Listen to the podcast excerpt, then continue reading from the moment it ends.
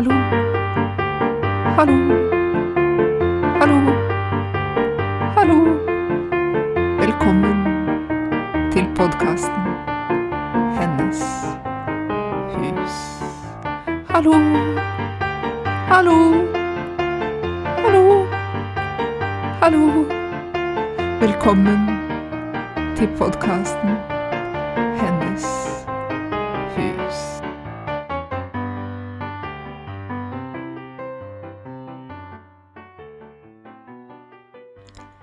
Hei, og velkommen til denne episoden av Hennes hus.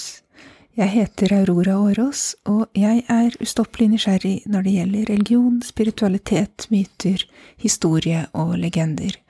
Og i denne podkasten så utforsker jeg noen av krysningspunktene mellom disse områdene. Og i dag eh, så tenkte jeg at jeg skulle lage en liten julespesialepisode.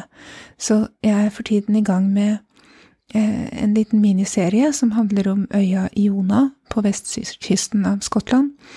Eh, som er en del av de indre hebridene, og som er et såkalt tynt sted, som er det temaet jeg har valgt for første sesong av Hennes hus. Eh, og det kan dere høre om i, i, de andre episodene, hvis dere går tilbake og lytter på de. Men nå avbryter jeg denne serien om Iona. Eh, jeg har også eh, hatt en liten bonusepisode nettopp, som var et intervju med Tora Synnøve Yrli Myhre, som går an å høre på.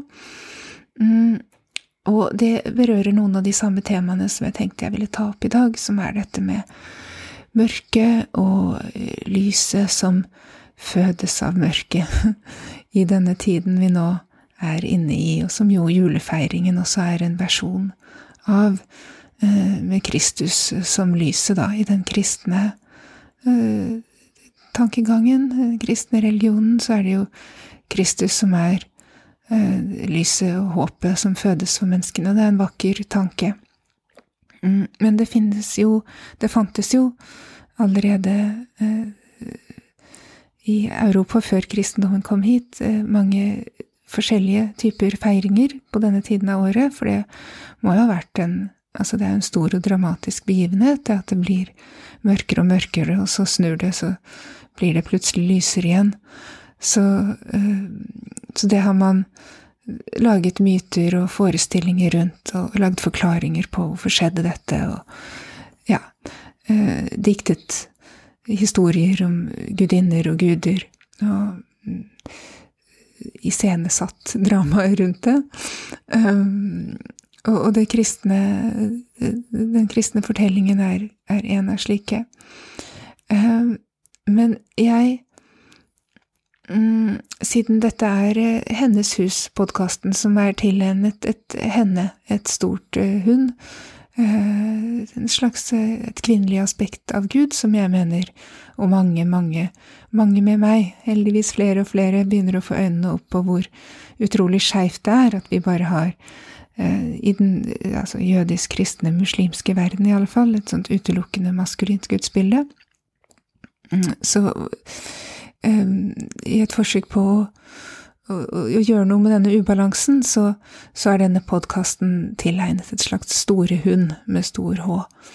Og dermed så tenkte jeg å sette søkelys på, på det i forbindelse med julefeiringen, fordi det er jo en skeivhet her også i, i um, de kristne fortellingene. Man har den kristne treenigheten som da iallfall i mainstream kristendom også oppleves som maskulin, hvor det er Gud Fader og, og Gud Sønn, og Den hellige ånd, som også blir omtalt som maskulin. Og, og, det er jo en annen historie. Slik har det ikke alltid vært. Uh, ordet roach på hebraisk er et feminint ord. Det betyr ånd eller vind. Og pneuma på gresk er vel eh, nøytralt, så der var det blitt nøytralt. Og så har du spiritus, som er vel maskulint, så der i, i Romerriket er det blitt maskulint. Uh, så ånden på norsk er jo også maskulin, da. Så ja, grammatisk kjønn kan også liksom spille en rolle for våre forestillinger, tenker jeg. Um, men det er en annen historie med treenigheten. Det kan vi veldig gjerne snakke mer om i en annen episode. Men også i liksom Dette Jesusbarnet, dette lyset som fødes, har jo da ifølge den kristne fortellingen et maskulint, guddommelig, transcendentalt opphav og en særdeles jordisk eh, og, og ydmyk og fullstendig passiv og dessuten jomfruelig, absurd nok kvinnelig opphav. Og den skeivheten har vært katastrofal for kvinner mm, gjennom århundrene og årtusenene. Eh, og dette ja, kan vi også snakke mye om, med det absurde jomfrumor-idealet. Mm. Men jeg tenkte å fortelle en annen historie, som også er en kjent historie, uh, som uh, altså også omhandler dette et mor-far-barn-drama og et lys uh, som fødes av mørket. Eh, som ikke er den kristne fortellingen, og som heller ikke tilhører vår kulturkrets direkte her oppe i nord. Det er ikke en, eh, en norrøn myte eller um, noe, det er rett og slett myten om Isis og Osiris og Horus-barnet. Og grunnen til at jeg vil fortelle den, det er um, Ja, det, det, det, vil bli klart etter hvert. Men um, Isis, eller Aset, som hun het på egyptisk, for Isis er visst den greske eh, versjonen av eh, navnet hennes, som kom til senere, men hun var en gudinne gjennom tusener eh, av år i Egypt, og det fins veldig mange myter av henne, og veldig mange variasjoner av mytene også, så når jeg har gjort litt sånn bakgrunnsforskning nå, da, og prøvd å, å, finne disse fortellingene fordi jeg ville fortelle dem igjen, så, um, så ja, er det vanskelig å velge hvilke versjoner. Men eh, det er jo kjent. Det som er hovedtrekkene, er Isis at Isis var uh, Hun var datter av uh, en jordgud som het Geb, og en himmelgudinne som het Not. Og bare det er jo interessant. Der er det en en ombytning av vår tradisjonelle rollefordeling, hvor vi snakker om moder jord og den transcendentale himmelguden veldig mye. Så bare det syns jeg er dritkult. Her er det jordguden, Geb, og himmelgudinnen Not, og de får fire barn. Og det er Isis og Osiris, som da er broren. Og så er det en annen bror som heter Seth, og så er det en annen søster som heter Neptys. Og Isis og Osiris, de Eh, er ikke bare bror og søster, de blir også gift, og det sies at de var forelsket allerede i morslivet, eh, og at de var liksom Det var skjebnen at de skulle være sammen. Um, og, og Neftis og Seth ble også sammen. Og av ulike grunner, igjen ulike myter rundt det, så var sett fryktelig, fryktelig sjalu på Osiris. Og han eh, endte opp med å kutte Osiris i småbiter, mange biter, og her er det også mange versjoner, alt fra 12, 13, 14 til 42 biter, men spredde ham utover da. Og Isis, eller Aset, som, som det egyptiske navnet hennes var, ble naturlig nok eh, fryktelig trist og lei seg, og rasende også, og hun eh, gjorde seg om til en slags sånn eh, stor fugl, eller muligens en drage, og fløy omkring og lette og fant alle bitene av Osiris. Hun sleit litt med å finne penisen hans, men hun fant den også. Eller hun fikk hjelp til å lage en gullpenis. Det er noe sånn, jeg lurer på det. Hun fikk hjelp av de andre gudene, fordi den var jo viktig, da. Fordi etter hun klarte å sette ham sammen igjen, um, og fikk gjenopplivet ham, liksom nok til å gjennomføre et samleie med ham, og unnfanget av lille Horus. Og Osiris han var ikke helt liksom, frisk nok til å bli eh, i live i, i, den levende verden, men han var frisk nok til å bli eh, gud over dødsriket da, etterpå.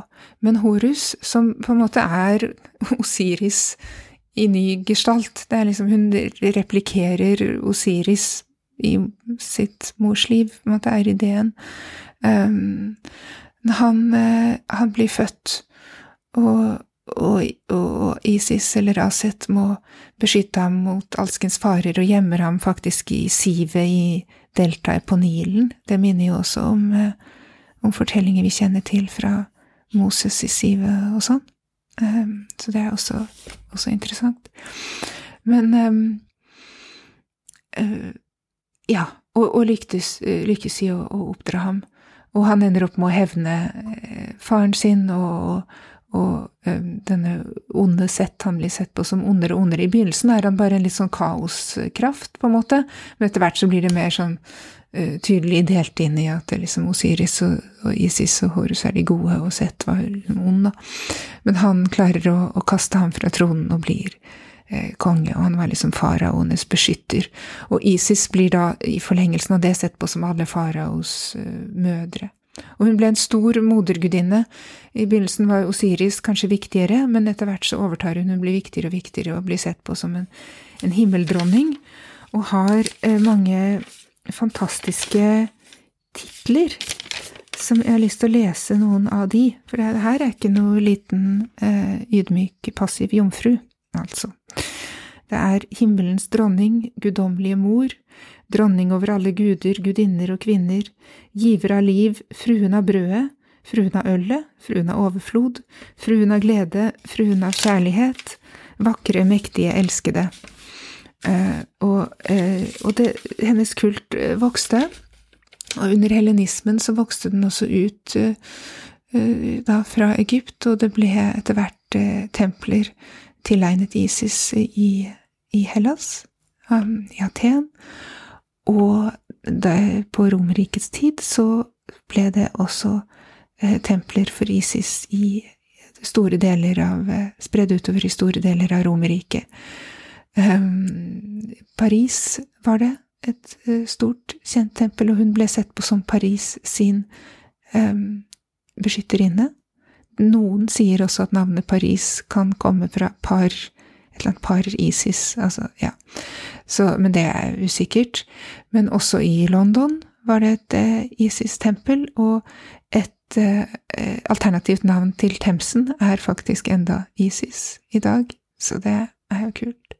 Men nå kommer jeg til grunnen til at jeg forteller dette nå, og det er at det, det var jo mange sånne statuer av Isis og Horus-barnet, hvor hun ammer, ammer lille Horus og sitter på en trone. Tronen var hennes symbol, det var hennes hieroglyf for en trone, hun var den mektige, og hun er ofte avbildet med sånn trone på hodet.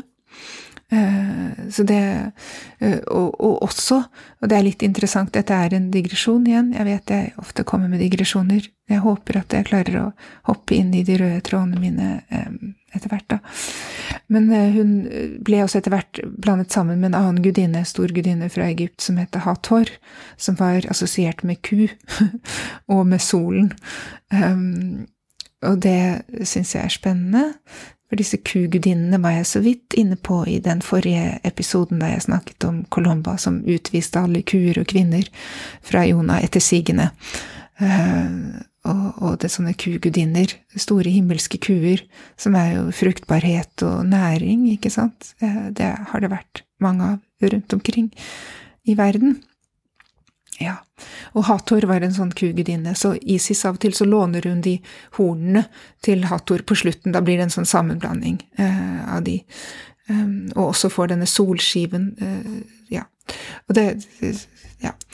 Uh, men som oftest var det en trone, hun sitter på en trone, og, hun uh, Det var mange statuer rundt omkring hvor hun ammer dette Horusbarnet og ligner veldig, veldig på jomfru Maria med Jesusbarnet, hvordan de senere ble avbildet, og det er det mange som mener at det var en direkte inspirasjon til den kulten rundt uh, Maria og Jesusbarnet, var Isis og Horusbarnet.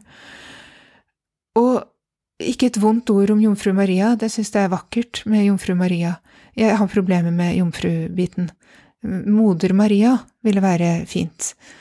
Så, så moder Isis jeg syns liksom, kan vi ikke få med Isis i julefeiringen? Den store ku, kumamma. Himmelske kumamma. Og ikke bare far og så liten jomfrumor. Nei, nei, nei. Nei, altså kan gjerne ha whatever, jomfrumor og jomfrufar, I don't care. Men eh, himmelsk mor også. Ikke bare en himmelsk far som bestemmer, og nå skal du bli gravid. Eh, sorry, det var ikke noe du skal ha sagt. Vær takknemlig, lille venn. Nei, ikke sånn. Det Det er skadelig, ja, for kvinner og menn å få den slags holdninger uh, innpodet.